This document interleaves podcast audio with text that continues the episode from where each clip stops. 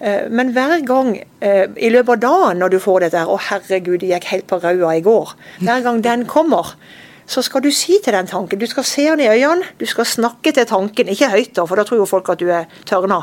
Men du skal si sånn inni hodet ditt, så skal du si 'hallo', der er du igjen'. Jeg gidder ikke å snakke med deg hele dag, for da blir jeg bare i sykt dårlig humør. Så du og meg, vi kan snakke sammen i et kvarter i kveld.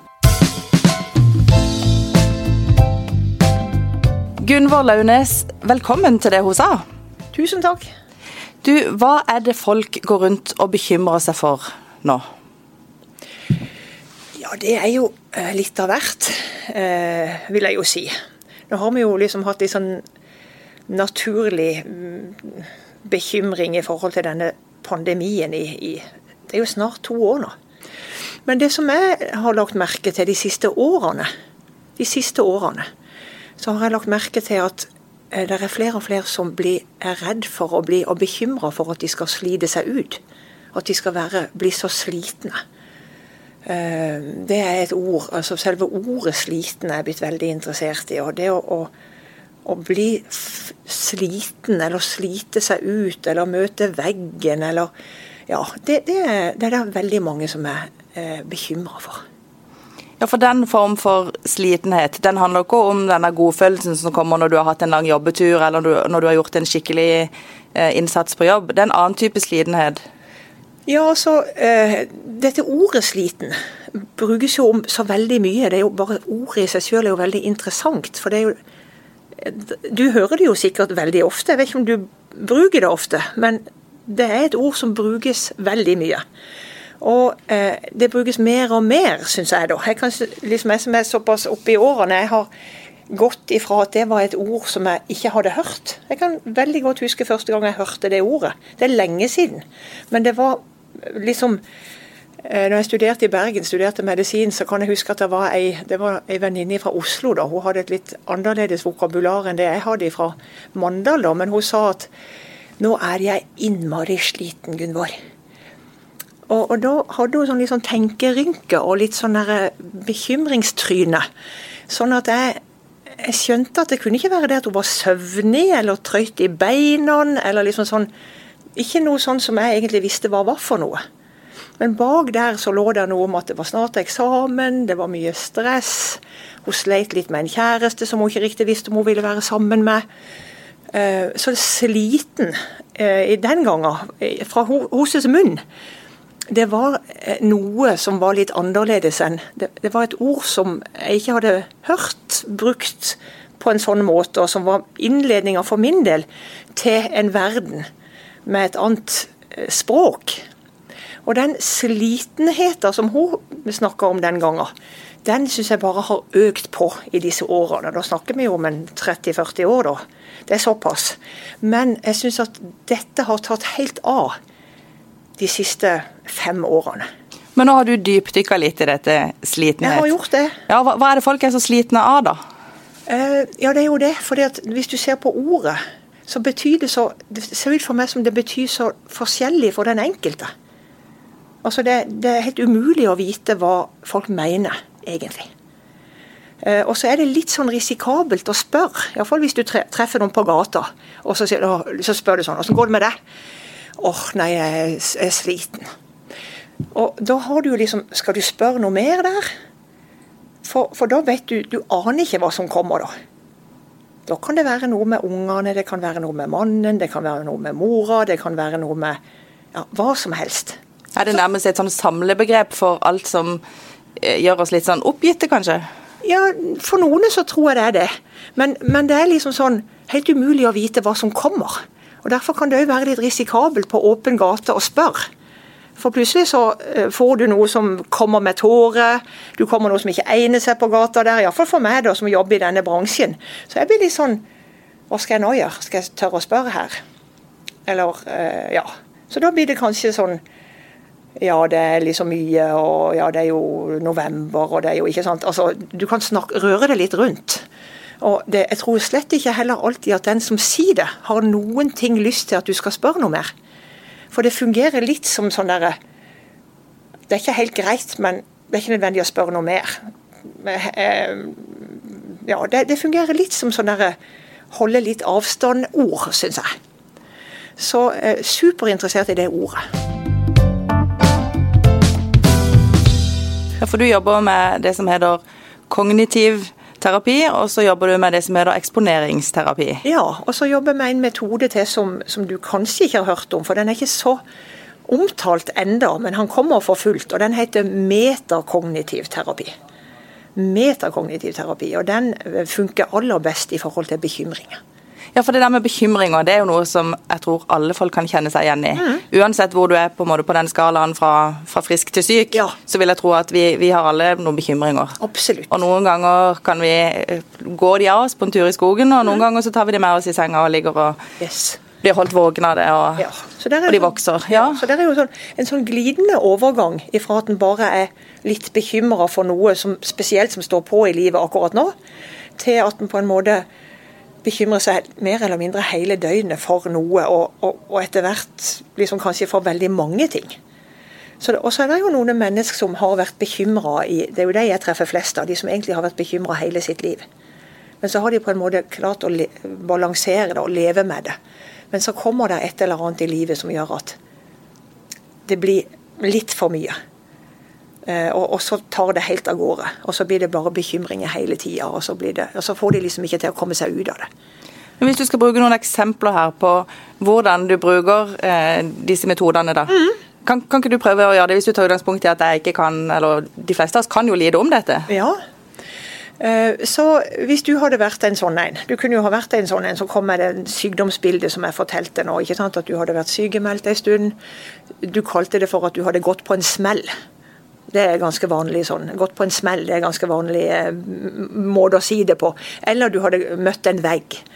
Eh, og da må jo jeg finne ut akkurat dette med liksom, hva var denne smellen og hva var denne veggen. At vi, vi får brutt det ned til noe som er litt mer forståelig for meg. Da. Og da kunne det være akkurat det at du følte deg veldig sliten. Du tenkte noe voldsomt, og du eh, fikk ikke sove, lå der og heiv deg fram og tilbake, så på klokka og tenkte herregud, hvis det ikke er nok for å sove, så går det iallfall ikke bra i morgen. Um, du hadde kanskje, Hvis du hadde barn, så hadde du dårlig samvittighet, for du følte at du kunne ikke klare å være den mammaen du hadde lyst til å være. Du tenkte himmel og hav, her kommer det en bursdag. Hvordan skal vi gjøre det?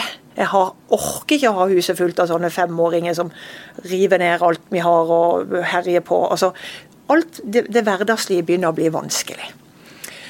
Så det første vi gjør da, det er jo på en måte å altså få en veldig god prat om du, hvordan livet ditt ser ut. Få kartlagt det ordentlig godt. Og får egentlig hørt med deg om du tenker at du har vært en sånn en som bekymrer deg. Om, om, det er noe nytt, eller om det er noe du egentlig har holdt på med. Og da er det noen som sier at øh, det har de i grunnen ikke tenkt på. Um, og så snakker vi litt mer om det, så kan det være at jeg spør hva har de mor sagt? Har hun sagt noe? Dere er jo tre søsken. Har de mor sagt noe om Ja, mamma har sagt at du er litt lik til meg. For jeg er jo òg sånn som bekymrer meg mye. Og de to brødrene dine de er jo liksom ikke sånn. Men du, du Ja. Så får vi liksom tak i en sånn ofte sånn familiehistorikk. Jeg pleier av og til å spørre hvem har du fått den der eh, greia der av at du bekymrer deg så sabla? Er det din mor eller din far? sier jeg av og til bare sånn. Uh, nei, jeg tror egentlig ikke at noen av de har uh, Nei, jeg tror egentlig ikke de har bekymra seg så mye. Men pappa var jo veldig opptatt av at vi alltid måtte huske å låse døra, eller at vi måtte sette av komfyren. Og det var mange ganger vi måtte snu når vi var kommet liksom til når vi skulle til Åseral, så kom vi liksom til og kjørte vi, kom, En gang så kom vi til Marnardal, og så måtte vi pinadø snu igjen. og så måtte vi kjøre helt ned for å kjenne at døra var låst. Jau, så, så, det har nok vært litt sånn. Pappa hadde nok Skjønner du? Så vi finner noen ganger Dette går litt igjen i familie. Ofte. Men det er ikke alltid sånn. Så først av alt så er det å kartlegge og på en måte finne ut hvor lenge har det vart, er det en tendens? Eh, og har du vokst opp i et sånt hjem, så, så tenker du at det er normalt. Ikke sant? Du tenker ikke at er no, det er noe med deg. Du, du er vokst opp med dette, så mer, du har mer tenkt at det er bare sånn. Så først av alt så må vi på en måte klare å bli enige om at dette er litt for mye. Skjønner du? Altså at Vi må liksom finne ut av at vi må være enige om at det høres ut som dette er blitt for mye. Det er for mye tenking. Det er for mye. Så da hjelper du de egentlig med å se seg sjøl og familien sin ja. livet litt utenfra? Ja. Mm. Og hvis de har en partner, så er det jo eh, liksom eh, Hva sier mannen din? Syns han at det er passelig at du bekymrer deg? Syns, han at det er greit at du Nei, herregud, er du gal? Han sier liksom sånn at du kan finne på det, liksom. Åssen kommer du på? Åssen kommer du på å tenke på det, liksom? At ungen kan sette klinkekule i halsen? Det er jo ikke klinkekule på mils avstand her. Altså, eh, så du kan ofte da finne at, at eh, ja, det er litt forskjell, da. Men så er det jo mange som tenker at det er liksom sånn kjønnsforskjeller. Det er jo flest damer som sliter med dette. Ja, ja det er det. For jeg var litt opptatt av det. Jeg lurte på det. Det, det er det. Det er flest damer som har denne tendensen til å bekymre seg. Men det betyr ikke at ikke det er menn som har det. For det er det absolutt. Men det er flest damer som sliter med dette. Og så er det jo definitivt flest damer som kommer i behandling. For menn tenderer til i, i mye mindre grad å, å, å komme til behandling. Det er sikkert mange grunner til det, men stigmaet der er nok enda større. Å være ei sånn kjerring som, som, bekymrer seg så mye. Jeg tror de vegrer seg litt. da. Men jeg treffer absolutt en del menn som òg er, er bekymra. Men det er en kvinnesykdom mest av alt. Da. Denne bekymringstendensen som på fint heter generalisert angst. Eh, nei, så Når vi er blitt enige om på en måte at dette er et problem, og hvordan det arter seg, så eh, kan vi begynne å snakke om metode, da. Eh, og da kan en behandle folk i individuelt, altså i én til én. Men jeg driver mye med gruppeterapi. da. At jeg samler sammen. Jeg samler opp kanskje sånn at jeg har fem-seks stykker.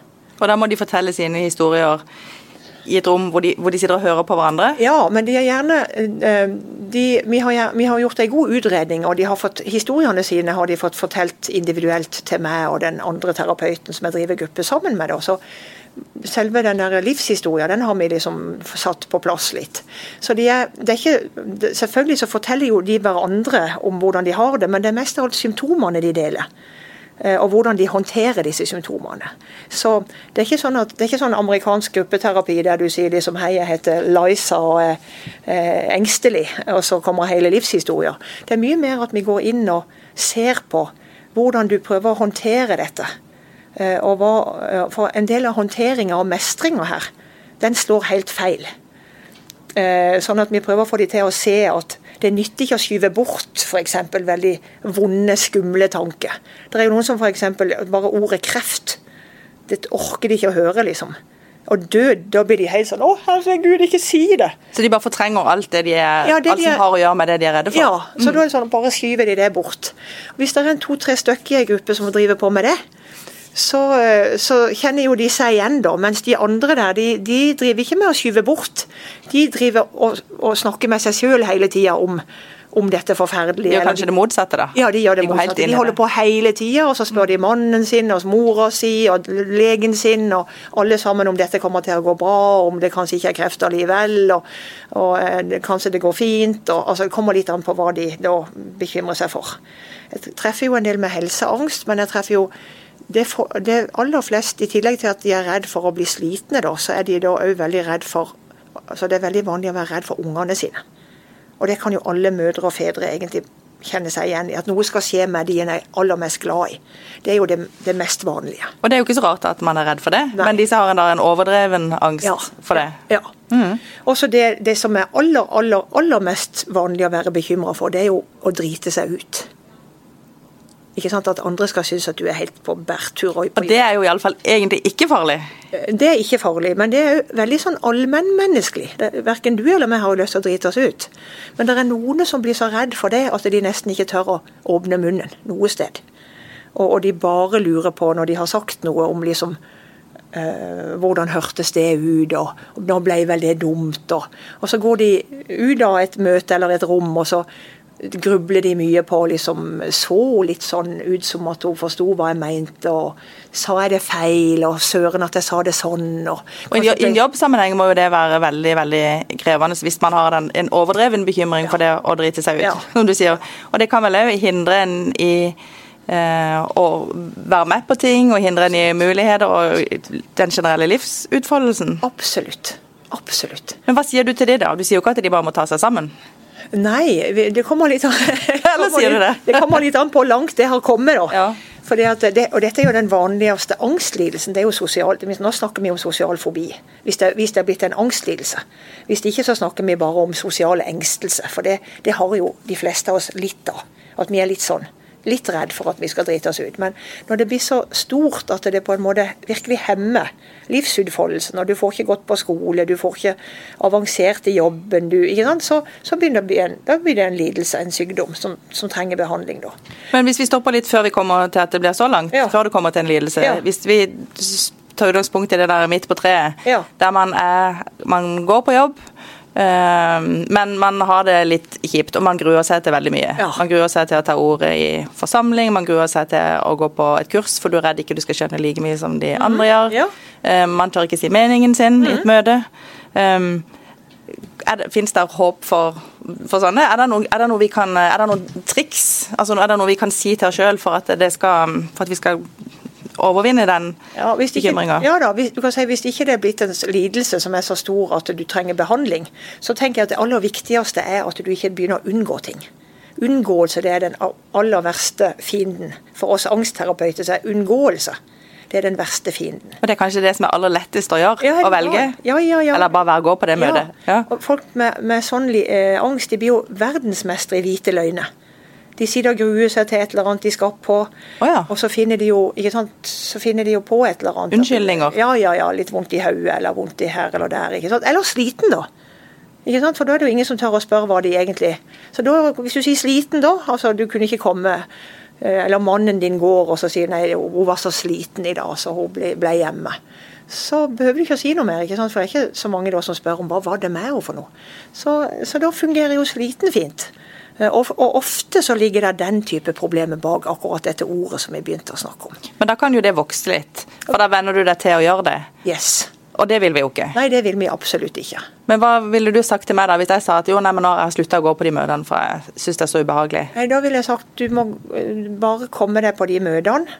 Uh, og så kunne det jo være at du hadde lagt Hvis du har gått på mange møter med mye angst, så kan det være at du har brukt en del dårlige strategier. Som egentlig har Ja, du, du, har gått, men du har brukt strategier som ikke har gjort det noe bedre for deg.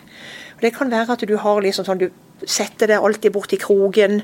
Du passer på å ikke ha blikkontakt. Du, hvis du blir spurt om noe, så snakker du med lav stemme. Du sitter der og på en måte prøver å ikke være synlig. Og det er egentlig bare å Det er vedlikeholdende. Så det kan være at hvis du var venninna mi, da, så måtte du ha fått et lynkurs i å bli synlig. Sant? Se på folk, bruk blikket, få opp stemmevolumet, ta plass. Ikke, ikke, pil bort og sett deg i kroken, men ta, ta, reis deg opp og så gå bort og ta deg en kaffe. Ta litt ja, Altså, bli synlig. Men så gjorde jeg kanskje det, da. Og så opplevde at jeg sa noe feil, eller at det kom helt feil ut, eller ingen skjønte hva jeg mente. Og så følte jeg at nei, nå har jeg, oh, nei, nå har jeg virkelig tabba meg ut her. Ja. Og da må jeg jo liksom sånn, eh, Nå snakker vi om å føle at, å føle at den har tabba seg ut. For det er jo veldig sjeldent i møter at noen sier Nei, nå dreit du det. Har, har, du vært på det Har du vært på det møtet at noen, du ble bua skikkelig ut, og noen sa liksom hallo?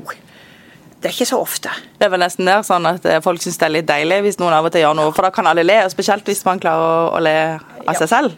Ja, så det, Jeg vil påstå at 90% av gangene når en kommer ut med en sånn dårlig følelse, så er det jo fordi at en, en selv, altså det, er bare en, en, det er bare en følelse. Det er ikke reelt. Men fordi at du er kanskje veldig selvkritisk, og fordi at du er så redd for at dette skal ha skjedd, så konkluderer du med at nå skjedde dette. Altså Skamfølelsen, altså flauhet og frykt, den lurer oss jo til å tenke at nå, nå var jeg helt idiot. Nå dreit jeg meg skikkelig. Mens det er jo slett ikke altså, Sannsynligvis så gjorde du ikke det. Men, men, men, det føles bare sånn. Men hvis jeg følte det sånn, ville jeg være i stand til å la meg korrigere av en kollega som sa at nei, men vet du hva, jeg syns det gikk bra, eller ville jeg bare avfeie den og tenke at jeg hadde rett? Det kommer litt an på hvor ramma du var av denne følelsen. ikke sant? For hvis du var veldig ramma, så kunne du jo tenke at han, bare, han sier det bare for å trøste meg. Han er så snill at sier det bare for å trøste meg. Da preller de jo av. ikke sant? Og så vil du jo fortsette å gruble. Du vil fortsette å se for deg. Spille sakte film. Dette har vi gjort alle sammen. Dette har du òg gjort, garantert. Spille gjennom liksom hvordan det gikk, og hva du gjorde, og hva du sa. Og Hvis du holder på med det, altså gruble, som er en litt annen prosess enn å bekymre seg, du grubler, da går du tilbake og så liksom, Det er liksom rekonstruksjonen, kaller politiet det for. ikke sant? Du driver og rekonstruerer. Da kommer du ofte veldig negativt ut. Du, kommer, du blir bare enda mer sikker på at det der, der gikk til helsike. Så jeg, jeg advarer veldig mot den type, den type aktivitet og denne grublinga. Men kunne du da gitt meg en lekse eller en oppgave? Ja som ville hjelpe meg til å komme ut av den dårlige ja, sirkelen? Det hadde jeg gjort. Da hadde jeg sagt, hvis du og meg da var i business i terapi, så hadde jeg sagt at fra nå av så skal du innføre et kvarter på kvelden en stund før du går og legger deg. Når du har lagt ungene og det blir stille, og, men det er enda to timer til du skal legge deg og sove, så innfører du et kvarter. Kanskje fra halv ni til kvart på ni. Eh, og så er det det kvarteret der du virkelig bare kan slakte deg sjøl for det møtet, eller for noe annet som du tenker har gått helt dritt. Eh, men hver gang eh, i løpet av dagen når du får dette 'Å, herregud, det gikk helt på raua i går'. Hver gang den kommer, så skal du si til den tanken Du skal se den i øynene, du skal snakke til tanken. Ikke høyt, da, for da tror jo folk at du er tørna. Men du skal si sånn inn i hodet ditt, så skal du si 'hallo, der er du igjen'.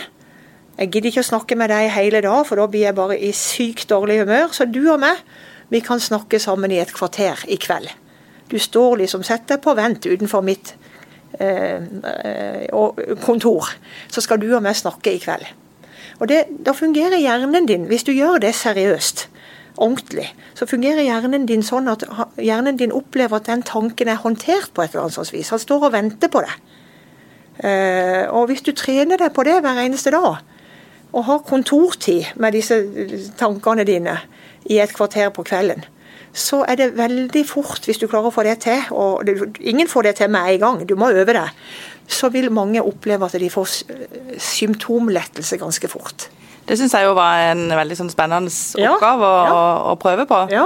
Eh, er det dette som er kognitiv teori i praksis? Dette er metakognitiv terapi. Dette er metakognitiv terapi, ja. Det er det. Mm. Eh, eksponeringsterapi, som er en, en annen kognitiv eh, behandlingsform, den går jo ut på å virkelig utsette seg for det du er redd for. Så den sosialfobikeren som på en måte ikke har lyst til å komme på det møtet, eller som iallfall ikke har lyst til å holde en tale, eller som har lyst til å ha et innlegg, han må eksponere seg. Ikke sant? Han må, han må holde den talen. Og så må han gjøre det med riktig teknikk. Altså han må ikke stå der med, Hun må ikke stå der med håret nede i øynene, tviholde med to hender på kroppen så ingen skal se at du skjelver litt. Altså, og, og, liksom prøve å krympe og ha svart på seg så ingen skal se at du svetter og du har passa på å fått rusia deg akkurat så ikke noen skal si at du blir rød. Altså, det er feil teknikk. Du må gå inn i det rommet, og så må du mye mer tenke at ja, nå, nå går jeg på. Skjelver jeg litt, så får jeg bare skjelve litt. Blir jeg rød, så får jeg bare bli rød. Uh, men nå går jeg på her, og så blir det som det blir. Uh, og Så møter jeg blikket til folk, og så hever jeg stemmen min. Eh, det er eksponeringsterapi. Og Da tvinger man seg til å gjøre det selv, om inni så kan det føles helt grusomt. Helt forferdelig. Men man gjør det likevel, og man retter ryggen yes. og man tar ja. rommet eller prøver å gjøre det. Yes, Det er eksponeringsbiten. Men når du går ut av det rommet, så begynner jo helvete med, med den der grublinga. Ja. Og da er det godt å ha den andre metoden på lur.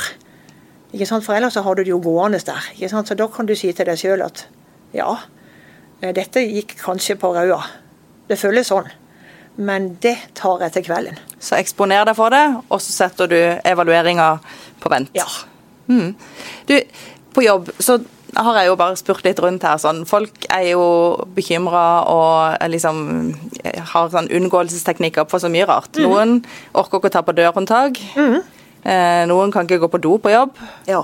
Eh, noen er redd for å komme tett på andre. Ja. Mm. -hmm. er det andre eksempler på sånn vanlige ting som vi prøver å unngå på, i en sånn arbeidssituasjon. Det du beskriver her, det, jo, det var jo det som heter tvangslidelse. Ja, og litt sånn ek, det, ja, ekkel, ekkelhet. Ja. Før koronaen kom, så het det tvangslidelse. Nå er jo det hverdags... Nå er det normalt? Ja, nå er det nesten normalt. Jeg jobba veldig mye med tvangslidelse før koronaen. Eh, og da er jo alt dette ekle som folk prøver å slippe unna da, og ta på. Eh, det er jo veldig vanlig. Så har vi jo de enkle fobiene. altså Klaustrofobi. ikke sant? Angsten for å gå inn i en heis. Angsten for å låse døra på do, i tilfelle den går i vranglås. ikke sant? Eller, eh, så, så klaustrofobien, den enkle fobien, den er jo en del som har. Og den, den kan en jo leve med, men så kan det jo bli veldig tungvint når du får tvilling og helsestasjonen ligger i fjerde etasje. Og du må opp, ikke sant. Med, altså, eller ja. Så vi får en del som kommer med sånne enkle fobier som de da trenger behandling for. Er det noen triks som vi kan eh, ja, jeg tenker, bruke da? Ja, jeg tenker særlig Jeg blir jo veldig opptatt av foreldre som ser at barna begynner å bli redd for ting. Hvis de ser at, at sant, om de blir redd for hund eller katt eller altså Dyrefobi det er jo ganske vanlig. Blir redd for hund eller katt. eller Edderkoppfobi er jo det aller vanligste. Du ser at barnet ditt begynner å bli litt sånn ikke vil og ikke har lyst og sånn. Prøv om du kan lure den ungen med på noe tull og noe tøys og noe gøy. Eh, jeg driver jo og gir eh, barnebarna mine plastikkedderkopper til jul og sånn. Og, og uh, slange og sånn. ikke sant? Sånn at det blir litt sånn. Så jeg besøkte barne, et barnebarn nå i Oslo nå i helga, og der dukka det opp av lekekassa en sånn, sånn plastikkslange som han dingla rundt med der. Uh, en treåring. Og jeg tenker at sjansen for at han skal bli kjemperedd for orm, den er ikke så stor. Eh, men det er klart at hvis, hvis det er altså far eller mor som er veldig redd for dette, så vil det jo være litt vanskelig for mor eller far å gjøre dette. Men, men eh, hvis du skjønner sjøl at du egentlig nå er i ferd med å overføre en fobi til barnet ditt, om det så bare er bare en edderkoppfobi, så prøv å ikke gjøre det. Prøv rett og slett å heller ta det sjøl litt sånn med humor, og prøv å, å Prøv å ikke hyle og løpe ut av det rommet. Prøv heller å få litt hjelp til å tørre å se litt på den edderkoppen. Telle beina. Få ungen til å telle de beina. Og mange bein har egentlig en edderkopp. og Se litt nærmere. og Istedenfor å lage et himla spetakkel og, og, og, hyle og ringe til noen som kan komme og hente dette vesenet ut. Da. For, for alt, alt sånn hjelper litt. Så i hvert fall ikke legg til rette for at du sammen med barnet ditt unngår alt som er ubehagelig eller skummelt, men gjør det motsatte. Oppsøk det, og vis med det at dette er helt OK. Og så sa du humor. Yes. Ja, og da jeg tenkte jeg skulle spørre litt om det, for jeg vet at du eh, har bra humor. og så vet jeg at du eh, faktisk til og med har vært med på noe sånn standup. Mm. Um, det kan jeg godt tenke meg å høre litt om. Ja, ja, det Jeg har nok vært en sånn person som lett har fått sånne oppdrag i hele ungdommen og i voksenlivet mitt. Så har jeg liksom sånn Kan ikke du holde den der 'takk for maten'-talen? Eller kan ikke du ta den der 'herrenes tale', var det jo noe som heter. Det tror jeg holder på å gå av mote, da. Men jeg har liksom hatt tendens til å bli spurt om sånne ting. Og det har jo gått sånn rimelig greit, da. Og så var det noen, det er kanskje fem-seks år siden det var en kafé i Mandal som hadde noen sånne amatør-standup-greier. Og da var det på en fest jeg var sammen med noen andre. Og så, ja, Han ene der han skulle prøve seg på der, den scenen der, på Morgener kafé. Eh, bli med du òg, Gunvor, sa han da. Så tenkte, ja, det hadde jo kanskje vært det. Jeg syns den sjangeren har eh, Det har vært så fristende, den sjangeren. Har jeg, eh, jeg har sett på det. Så tenkte jeg det skal jeg pinadø prøve. Så da jeg, satt jeg liksom bare meg ned og tenkte så hva kunne, hva kunne jeg snakke om der? Og sånne standup-komikere de er jo voldsomt sånne selvopptatte. De forteller jo fra livet sitt om et eller annet. Har du lagt merke til det? Um, og jeg har jo um, heldigvis holdt jeg på å si, et, et, liv som Jeg har jo et langt liv, for det første. Og så har jeg, syns jeg sjøl at jeg har opplevd ganske mye spennende i det livet mitt. Eh, så jeg syns jeg har litt å, å, å, ta, for å si det sånn. Og så tror jeg sånn, ikke så verst sånn for, historieforteller. Så jeg bare øste ut litt av, av, livet mitt der på eh, Jeg var kommunelege f.eks. oppe i en eh, øykommune nordpå i, i mange år når jeg var helt ung. Og der er det jo litt å ta av. Der, der, er det egentlig noen ganske gode historier. Og de begynner å bli så gamle at de er nesten ikke helt uh, unntatt taushetsplikten, for det skjer jo aldri. Men hvis du omdøper de litt og vrir og vender litt på de, så, så, så passerer, passerer, det på standup-scenen. Så du hadde et godt materiale? Jeg hadde et sabla godt materiale, syns jeg. Og så kan du si på standup-scenen, der kan du egentlig si alt mulig. For det at uh, der kan du si i, I, min vitenskapelige, medisinske verden så må du egentlig ha, henvise til referanse på alt mulig. Ja, Hvor har du hørt det, og kan du bevise det? Og på standup-scenen så kan du jo si hva som helst, og ingen som avkrever deg en referanse. eller Da kan du si at fastlegene de vet ikke riktig hva de skal si når pasientene kommer og sier at de har vondt både her og der. For det er jo det folk har nå for tida. De har vondt overalt. Eller de har L-allergi, eller allergi for alt mulig. ikke sant? Og Da kan du si på standup-scenen så kan du si at kanskje sånn elallergiker heller bare skulle gå til en elektriker. Heller enn en allmennpraktiker. For hva i helsike skal du gjøre med det, liksom? Du kan jo ingenting. Du kan jo ikke noe om dette. Skjønner du? Og så kan du slippe unna med det. Du kan ikke si det når du sitter i doktorstolen. Er det litt som befriende å komme opp der og bare gi blaffen i alle disse formelle rammene? Fantastisk. Ja. Deilig. Så det gjorde jeg, da. Og så ble jeg med Så var det noen Det er to eh, damer i Mandal som har drevet med noe sånn juleshow i mange år. Katrine Nord Gundersen og Gro Gare. Og så spurte de meg om jeg hadde lyst til å være med. Det var jo fantastisk. Og da kunne jeg bare ikke la det være. Jeg tenkte herregud, og, tid, og mange ganger får du en sånn sjanse i livet ditt. Når du er 57, liksom, så kommer den forbi. Nei, det, da bare hoppa jeg på. Så det er vel kanskje nå Det var i 2016, det. Men var du nervøs da du skulle det? For det var jo en annen type scene ja, for deg? Ja, da var jeg nervøs. Da hadde jeg virkelig sånn Løs mave var bare fornavnet. og da hadde jeg virkelig Mannen min skulle kjøre meg, for da måtte jeg drikke to sider før, vi, før jeg turte å nærme meg det der lokalet der. Og da sa jeg, hadde, sa jeg til mannen min kjør meg til Arendal. ikke ta liksom til Ikke ta mot Mandal, ta mot Arendal. Sånn føltes det. Og det var jo så interessant virkelig å kjenne på og, lyst, og lite lyst jeg hadde. Og, og, og, kjente alle de kroppslige symptomene. Det var hjertebank, du var litt rød i trynet bare av å tenke på det. Magen var helt i ulage, du skjalv litt. Eh, kjenne på alle de symptomene, det har jo egentlig veldig godt da. Så det var egentlig litt nyttig? Eh, kjempenyttig. Mm. Kjempenyttig. Hjalp det med de der to siderne eller? Ja, det er jo ikke noe tvil om at det hjelper litt, det. Nei, det ikke noe... men, det er ikke noe du foreskriver? jeg gjør ikke det, så det er egentlig en veldig dårlig historie sånn, sånn sett. Men, men, det er jo ganske vanlig at folk drikker seg til mot. Men, men, men det kan en jo ikke holde på med sånn. En kan ikke drive med det hver dag. Men først på premieren der, da måtte jeg ta to sider. Eh, det måtte. Men gikk det bra? Lo folk? Ja, de lo. Og så lo de liksom Vi hadde jo tolv forestillinger, så uh, hele november og desember så var jeg på um, der og holdt på med denne galskapen der i, i fredag og lørdag. Det var rett ifra kontoret på Solvang. Full fart til lydprøve på, på kafeen der, og så var det, ja, det var kjempegøy. Det var dritgøy. Ja. Det er jo litt kult at man kan, eh, som godt voksen midt i, eller i, i arbeidslivet, kan ta steg ut og gjøre noe helt, helt, helt annet. Ja, det var helt fantastisk. Ja. Mm -hmm. Men tar du med deg noe av det du uh, har lært av det? Uh, og tar du med deg noe av humoren inn i, i behandlingen av pasienter òg? Altså, har humor en plass der? Humor har absolutt en plass der. Og så er det jo en, en veldig fin balansegang der i forhold til ikke sant? Uh, men klarer folk å le av seg sjøl noen ganger når de har rare fobier f.eks., ja, eller tvangstanker? Eller? De, de, gjør absolutt det. I, de gruppe, jeg driver mest med gruppeterapi. Og i de gruppeterapiene så, så ler vi ganske mye. Eh, og folk ja, Det, det er liksom veldig befriende når de på en måte ser sånn galskapen i sine egne. Det er noe med å få tømt huet for tanke. Eh, og når du gjør det sammen med andre, så ser du på en måte litt og liksom Åssen ordet død på en måte plutselig skulle gjøre at noen er døde. Hvordan i all verdensrike skulle det foregå, liksom. Eh, og så kan det være at vi begynner å kaste liksom død på hverandre. sånn. sånn død, død, eller kreft, kreft. Eh, for at de liksom skal venne seg til å bruke disse skumle ordene. da. Og, eh, og det ser jo litt galt ut, da. Hvis noen stakk huet inn på et sånt gruppemøte så, og ikke kjente til hva vi holdt på med, så ser det jo litt vilt ut. Men, men da blir det ofte mye latter. Eh, og jeg tenker jo at, at uh, latter og, og, uh, og humor spe på en måte ut skam og, og, og, skyldfølelse. Skam og skyldfølelse er jo noen fryktelige følelser, og, og frykter.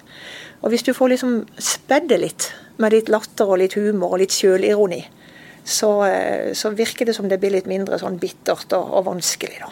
Og Det er kanskje noe en kan ta med seg òg ut av terapirommet. Og, og, som også de som ikke er kommet så langt eller ikke har det så dårlig at de må i terapi, mm. som de kan bruke. Det der med å ja, tilbake igjen til det møtet f.eks. hvor en ja. sier er kjempenervøs. Hvis de ja. klarer å le litt, le litt av seg sjøl. Ja. Eller ja, ikke være, det handler vel litt om å ikke kanskje ta sine egne problemer så på alvor òg, alltid.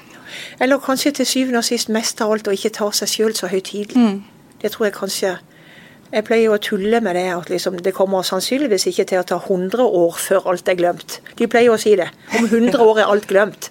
Og så sier jeg ja, men det er litt lenge. Jeg tror sant å si ikke det kommer til å ta 100 år. Det kommer kanskje til å ta 14 dager.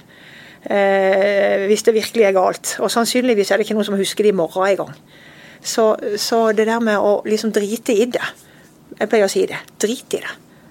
Legg det bak deg. Glem, prøv å altså, ikke, ikke heng deg fast i det. Men jeg kan jo sjøl kjenne at jeg kan slite kraftig med det hvis jeg føler at noe har gått skikkelig på rauda. Men har noe gått skikkelig på rauda, som du sier? Har du gjort noe som du tenker i ettertid at nei, det skulle jeg ikke gjort, eller det ble feil, eller? Ja da, det har jeg absolutt. Det, og noen ganger så er det kanskje eh, faktisk riktig at det skulle jeg ikke ha gjort.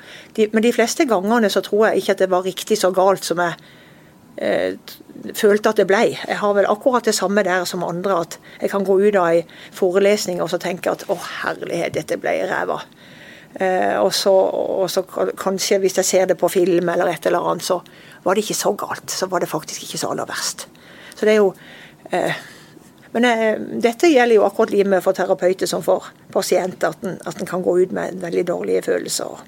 Ja, så er det vel ofte sånn at mange er jo kanskje mest opptatt av av sitt. Så de får ikke helt mest av det du gjør som kanskje ikke var perfekt. For de sier du kanskje tenker på det innlegget de sjøl skal holde, eller det de skal i gang med. Og så tenker jeg jo det at uh, om det nå ble veldig dårlig, eller du ble altså kanskje særlig sånn om du ble rød, eller om du ble svett, eller om du skjalv i stemmen, eller hva du gjorde for noe, så, så Ja, hva så, liksom? Hva så? Så det har, det har, jeg i alle fall et, det har jeg fått et helt avslappa forhold til.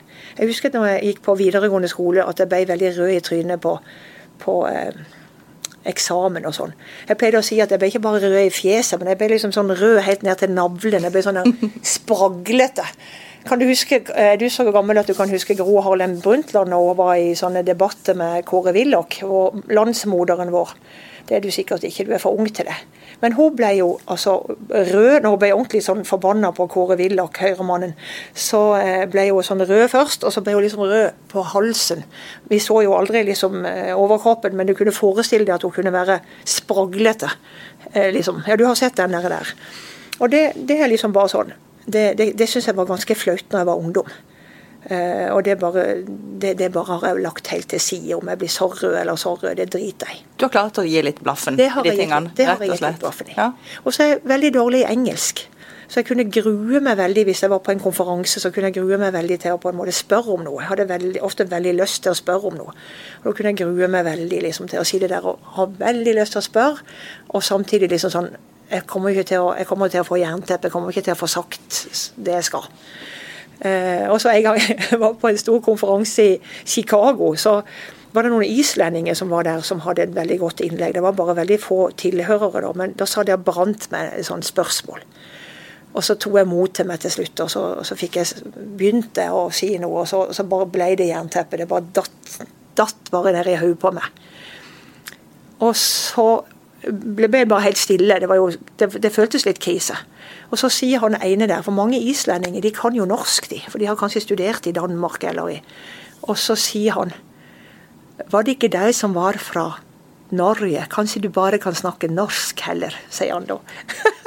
og det var jo så befriende, for da kunne jo jeg bare snakke på norsk. Altså. Men du hører jo at jeg kan huske dette, det er sikkert 15 år siden, men jeg, du hører at jeg husker det. Så det, var, det føltes helt pyton. For Hvis ikke så hadde jeg jo ikke huska det, at det var flaut. Jeg har jo hatt en sånn en opplevelse, ja. faktisk, da jeg var redaktør i Kristiansand Avis og skulle holde et foredrag. Ja. Og jeg var godt forberedt og syntes egentlig det var mest gøy. Og plutselig så var det helt totalt svart. Jeg hadde ikke peiling, jeg ante ikke hva jeg hadde sagt og ikke hva jeg skulle si. Jeg gikk helt i stå. Ja. Og Da var det ei som rakk opp hånda og sa men kan du ikke bare si litt om den eh, jobben du har nå? Og, sånn. og så bare, å jo, og så var jeg tilbake igjen. Men jeg husker også helt tydelig det nå. Altså, helt, jeg kan se for meg og kjenne akkurat den følelsen. Så det er jo litt sånn, litt sånn lammende akkurat Absolutt. der og da. Absolutt. Men så kan man jo lære noe av det og tenke at ja, men jeg overlevde jo. Altså. Ja, og, og, du kan si at hvis du, kan, hvis, du det, hvis du, akkurat gjør det du sier der, at du kan lære noe av det, og så, og så uh, går du videre i livet ditt. og så men, men, men det er noen mennesker og noen ungdommer som da, når de opplever noe sånt, så, så, så konkluderer de med 'aldri mer'. Aldri mer. Og Jeg møter ganske mange ungdommer som har opplevd noe sånt f.eks. i klasserommet. De skulle framføre noe, og så opplevde de dette. Og det var så pyton. Altså, de har tenkt 'aldri mer'. Du, du og det er trist, for det kan jo hemme de Ja, for det, det, er jo ofte begynnelsen, det er ofte begynnelsen på unngåelse. Og det, og det kan vi forstå ut ifra de erfaringene vi selv har.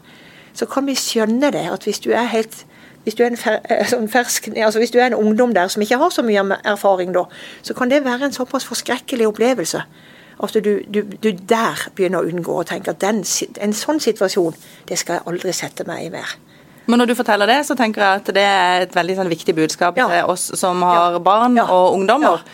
Som kanskje ser noen av disse tendensene av og til, og egentlig tar litt tak i det med en gang. Og sier at vet du hva, nå, det, nå, går vi og gjør dette en gang til. Det er, akkurat sånne ting er jeg så glad for å få, få snakke om. For det, det, det, er så lite som skal til der for at du som mor eller far, hvis du klarer å fange opp det at det er blitt en sånn aldri mer-greie, så kan du ta tak i det på en god måte, og så kan du gjøre noe med det, så ikke det blir aldri mer. At det faktisk kan bli noen nye erfaringer som kan legge seg oppå den veldig dårlige der.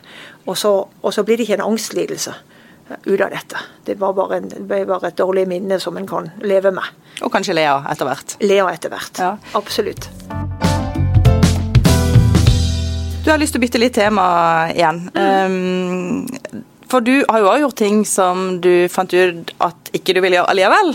Det har du helt rett i. Ja, ja. Og da tenkte jeg ville spørre deg om den jobben som du fikk i Lindesnes. Mm. Og det var før koronapandemien kom, ja. eller helt i, i, starten. For da skulle du være kommuneoverlege. Yes. Og det var du ikke så veldig lenge. Jeg var ikke det. Jeg, jeg søkte på den jobben i juni i 19. Da var jeg, jeg har jobba her på Solvang her på, eh, i Kristiansand. Da hadde jeg jobba der i en ti-tolv år. Jobba mye med oppbygging av et team for, for, for, tvangslidelse og angst. Og Det var litt sånn mission complete i Det Det er nå et veldig bra team som sitter oppe på Solvang, og som fungerer helt Gunvar uavhengig på en helt utmerka måte. Eh, jeg hadde jobba veldig mange lange dager, og eh, jeg var liksom sånn litt klar for å se om jeg kunne ja, gjøre noe annet, eller og kanskje få litt mindre, mm, kortere dager.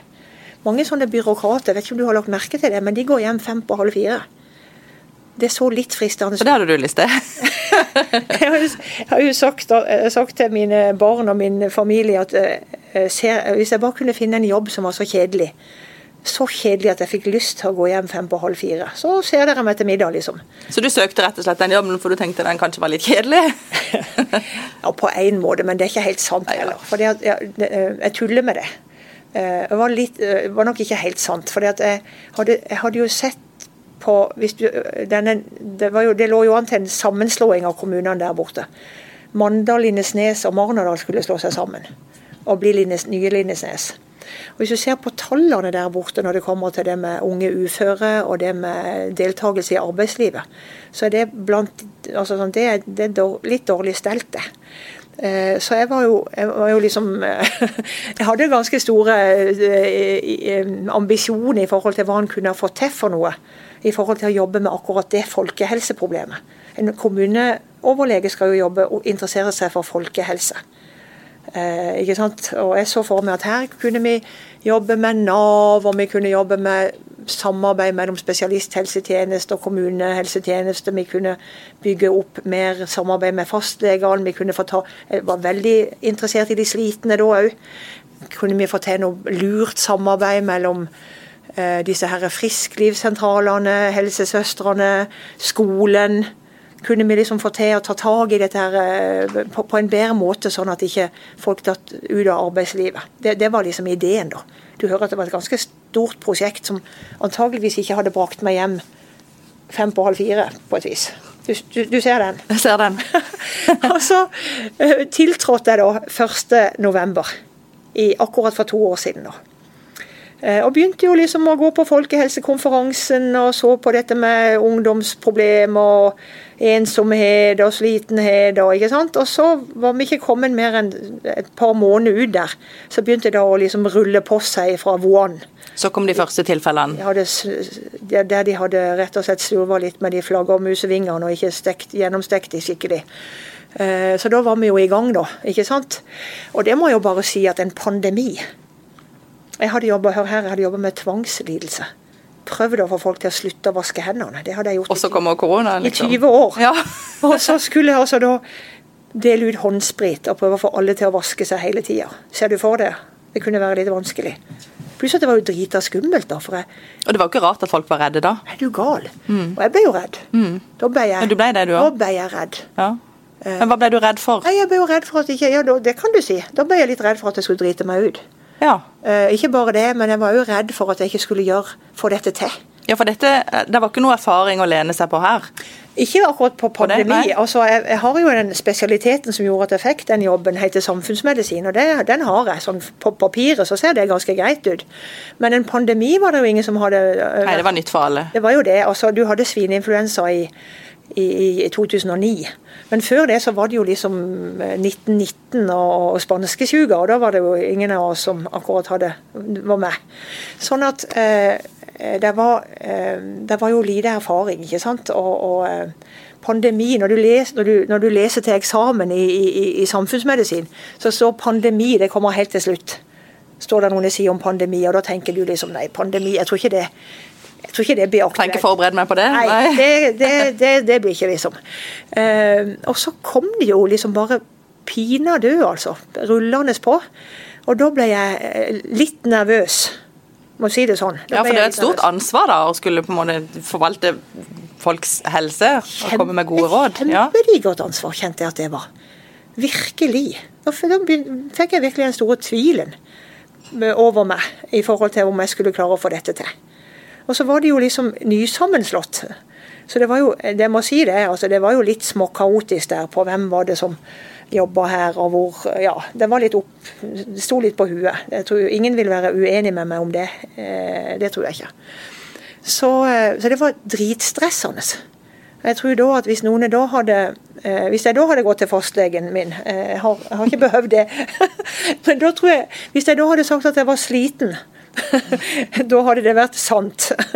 Men hvis han hadde hatt tid til å spørre meg liksom, hva, Gunvor, hva går dette i, denne slitenheten din? Hva, hva, hva, er det du egentlig hva, det du egentlig, hva, mener du egentlig? Hva er, du, hva er det du sliter med? Da hadde du fått akkurat denne historien. Jeg er livredd for at jeg ikke skal få dette til. Jeg er redd for å gjøre feil. Eh, jeg var ikke noe redd for alle arbeidstimene. For arbeidstime, altså, det kan jeg. Jeg kan jobbe mange timer. Men jeg var mye mer redd for at jeg ikke skulle få det til. At, eh, liksom, at, det skulle gå helt galt. At Lindesnes skulle komme ut med liksom flest døde i verden. ja. men, men, når du da valgte at nei, faktisk altså, Jeg vil ikke jobbe med dette, det er ikke det jeg vil holde på med. Mm. Følte du det som et nederlag, eller var det mer sånn at åh, du var letta for at du hadde tatt den beslutninga? Jeg vil si det var begge deler. Det var begge deler. Så jeg sa jo opp faktisk eh, før vi hadde fått det norske tilfellet. Første norske tilfellet. Jeg sa opp 24.2. For da skjønte du at dette kommer til å bli nei, altså, det var, det var, eh, Ja, jeg, jeg, tror nok jeg skjønte det. Men jeg skjønte nok ikke at det var så nært. Jeg tror ikke det var noen i Norge som på, ja, for det var jo akkurat Ja. Jeg tror ikke det var noen av oss som hadde tenkt at det skulle gå så fort.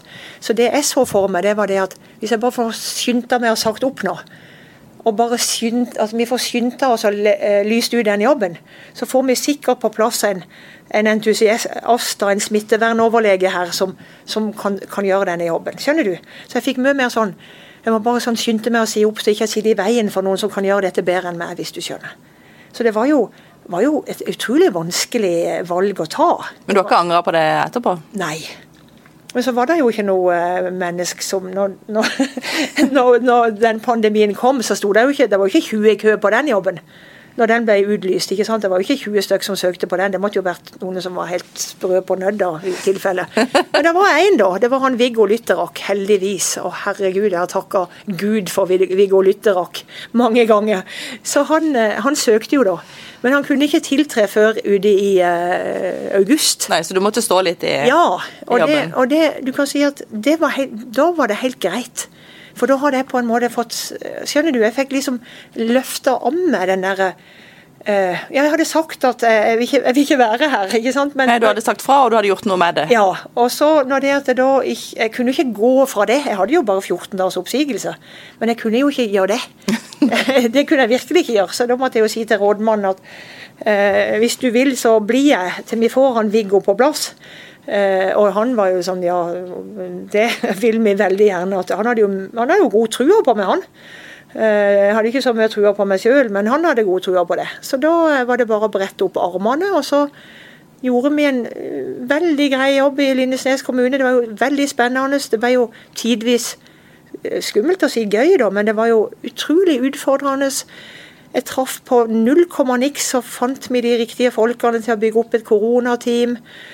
Eh, vi jobba natt og dag der, men, men, det gjorde ingenting. Når vi bare på en måte kom i gang. og, og, og eh, vi, altså, det, du rakk å få med deg det beste, hvis du går an å si det sånn? Ja, altså Oppbygging og ja, organisering? Ja, ja, ja, ja. Første bølgen. Ja. Og det å sitte sammen med det der kriseteamet der, eh, jeg vet ikke hvor mange møter, det var jo flere dager i uka. Sitte der sammen med, med disse her flotte menneskene og prøve å planlegge hvordan vi skulle gjøre det. Det var liksom påskemorgen, holdt jeg på å si, der på rådhuset i Mandal. og så var det, altså, det var det var 17. mai, og det var ikke sant, vi, vi, var gjennom hele den våren der. Så klarte vi oss ganske bra, egentlig. Vi hadde tolv tilfeller da fram til den sommeren.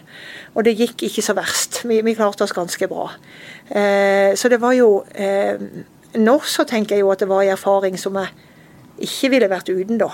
Men, men akkurat det der med skal jeg Shall I stay og shall I go? Den var liksom drita vanskelig, da. Og da var jeg, da var jeg ganske langt nede, egentlig. Da sov jeg dårlig.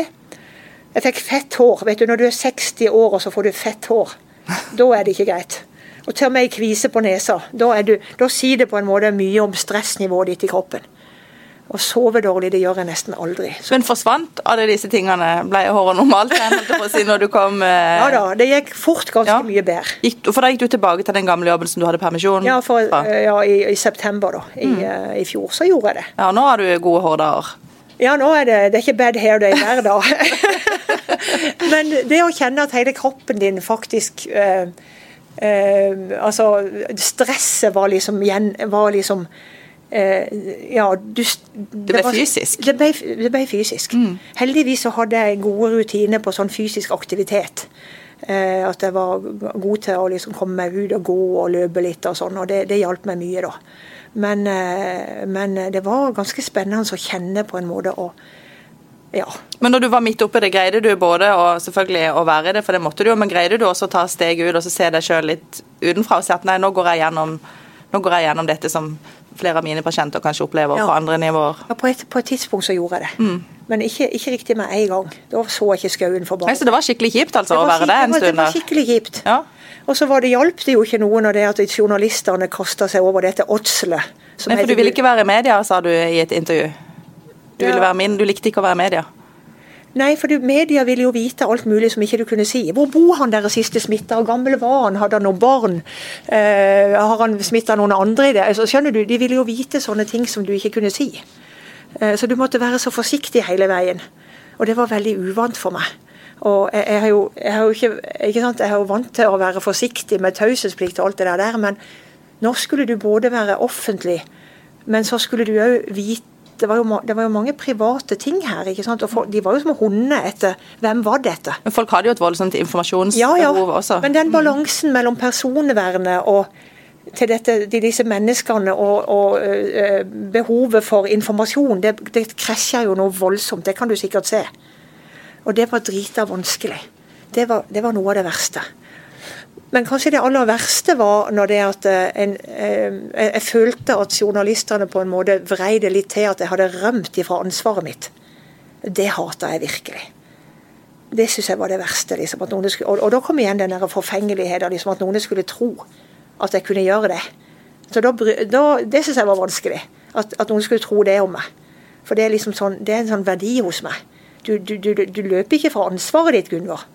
Så den verdien der, den, den, ble satt litt på strekk. Og da var det vanskelig for meg å den var det vanskelig å drite i, hvis du skjønner. Mm.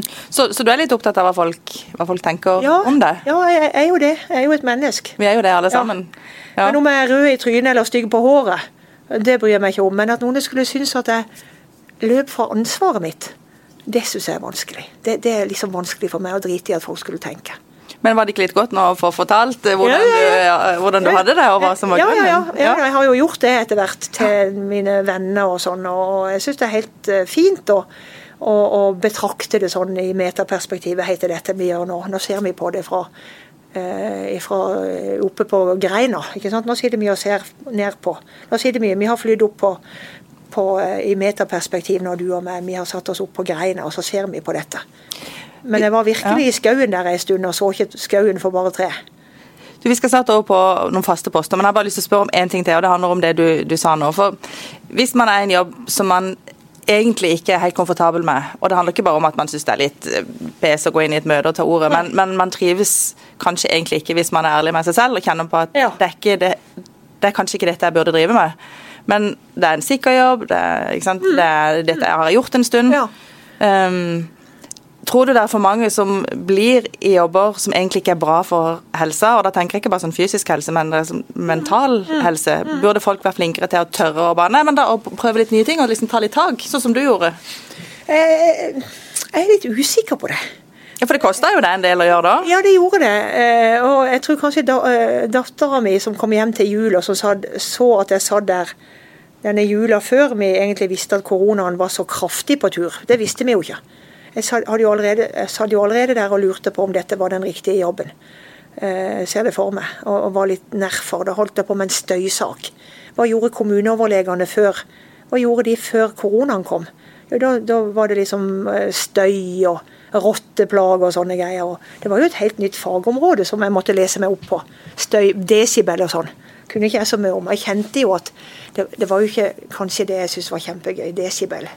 Det var jo ikke det. Så, men jeg var nødt til å sette meg inn i en masse sånne ting. Da Og da, da sa det der og beit litt negler og var litt nerver, og så, si, så, så, sa hun det som jeg har det, eh, Jeg har jo sagt mange ganger til henne at du må, du må bite tennene sammen, og så må du prøve litt til. Det har, sier hun jo til ungene sine nå, når de skal prøve seg i jobb og sånn. Eh, så sa hun det. Så må ikke du gjøre det, mamma, som du sa at jeg måtte gjøre. Jau, det er jo det jeg sitter her og tenker på, sa jeg. Men så tenkte hun litt, så sa hun Jeg lurer på, mamma, kanskje om du allikevel har liksom, Er det nødvendig at du biter tennene sammen nå? Nå er du 60 år. Uh, og du vet at du har en jobb som du både elsker en, en, jobb du har jobba i 20-25 år som du elsker, som du, som du, får godt til. Er det sikkert at du skal bite de tennene som sabler sammen, og, og, og holde dette ut nå? Det syns jeg var en fin refleksjon. Eh, så jeg, jeg, tror jeg, tror det er litt skummelt å si liksom ja eller nei til det, for jeg tror det er så individuelt, egentlig. Jeg er veldig glad for at jeg gjorde det. Jeg er ingenting i tvil om at det var riktig for meg.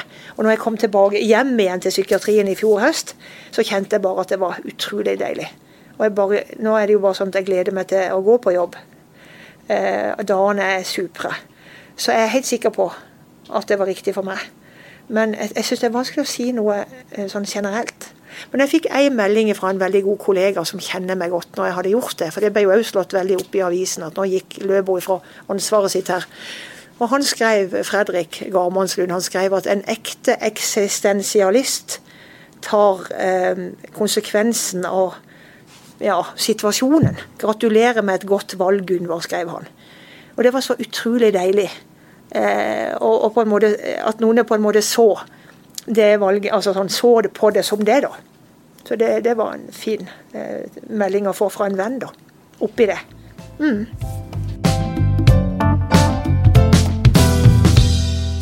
Da passer det veldig godt å gå over på det som vi kaller for fem kjappe. Mm. Oi sann. og disse hadde jo egentlig tenkt at du skulle få lov å tenke litt på i forkant, men uh, nå har du ikke rukket det. Men du skal få lov å fremsnakke en, um, en dame helst som er eller har vært viktig for deg. Noen som du syns fortjener å bli løfta fram. Ja, da eh, kan jeg eh, framsnakke Astrid Gjertsen.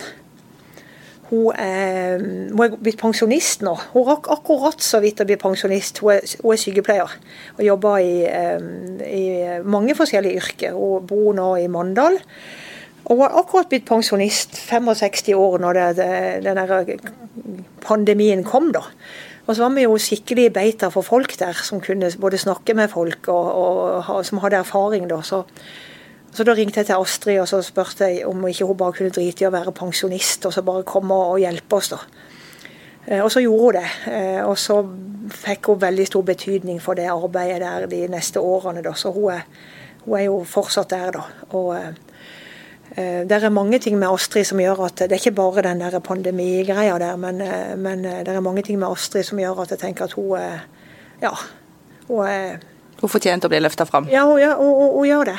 Hun er en fantastisk dame som Hun var jo en veldig sånn, en fin samtalepartner for meg når jeg hadde det vanskelig der. For er det noe jeg vil anbefale folk som, som, som får det vanskelig, eller får en krise, om hun er stor eller liten, finn deg et menneske du stoler på, som du kan snakke med. Og Du behøver ikke være en terapeut. Du må bare være et menneske som du, som du vet at vil deg vel, og som eh, du kan stole på.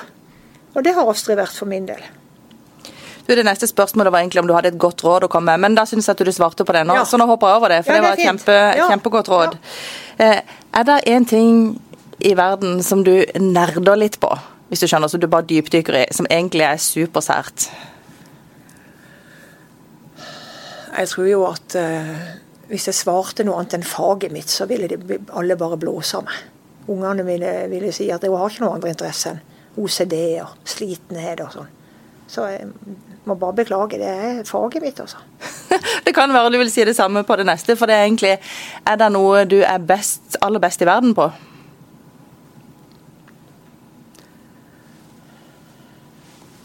Er det noe jeg er aller best i verden på? Jeg tror ikke jeg er så verst til å skape god stemning, altså. Det tror jeg kanskje jeg er ganske god på. Om jeg er aller best i verden, det er kanskje å ta litt hardt i. Men skape god stemning, det tror jeg jeg er ganske god på. Hørtes ut som en fin ting å, å være god på. Mhm. Så skal jeg rett og slett ta det aller siste spørsmålet, og det handler om du har en bok eller en podkast eller noe som du har lyst til å, å, å fortelle om som har gjort inntrykk på deg? Eller? Det var flaks, du. For liksom Identiteten min er jo ei som leser mye skjønnlitteratur. Det er liksom identiteten min. Men det er jo ikke sant lenger. For jeg har jo liksom Jeg sovner jo. Jeg har mange bøker, kjøper bøker. Det er bøker overalt hjemme. Svære stabler på siden av senga. Men jeg sovner jo liksom med ei bok over hodet stort sett. Men øh, forrige helg, da la seg ei bok på liksom en dag. Og det var Helga Flatland sin øh, 'Et liv forbi'. Høres jo litt sånn destruktivt sånn litt deppa ut i, i, i, i overskriften sin, da, men Helga Flatland 'Et liv eh, forbi'. Eh, det var bare en fantastisk eh, bok, altså. Jeg har ikke lest den, men jeg har lest de andre hun Ja. har skrevet. Hun er jo en fantastisk forfatter. Ja, vet du, jeg hadde ikke oppdaga henne. Da kan jeg bare anbefale, anbefale de andre. Ja. Den, den handler jo om eh, flere generasjoner altså Det er jo liksom mor, datter og datter, datter og alle de tingene som Alle de følelsene som kan utspille seg i det eh, spekteret der. Det, det var veldig, veldig spennende. Så jeg har liksom nå jeg har anbefalt den boka nå minst til ti siste, siste uka. Da ble jeg sånn ordentlig begeistra. Og nå får du anbefalt den til alle lytterne av, Ja. av det hun sa. Ja. Gunvor Launes, tusen takk for at du kom til det hun sa. Tusen takk for meg. Du har lytta til Federlandsvennens podkast 'Det hun sa' med Birgitte Klekken. Har du tips til andre bra damer vi bør snakke med, eller har du lyst til å dele inspirerende erfaringer fra ditt arbeidsliv? Ta kontakt på dethosa1fn.no.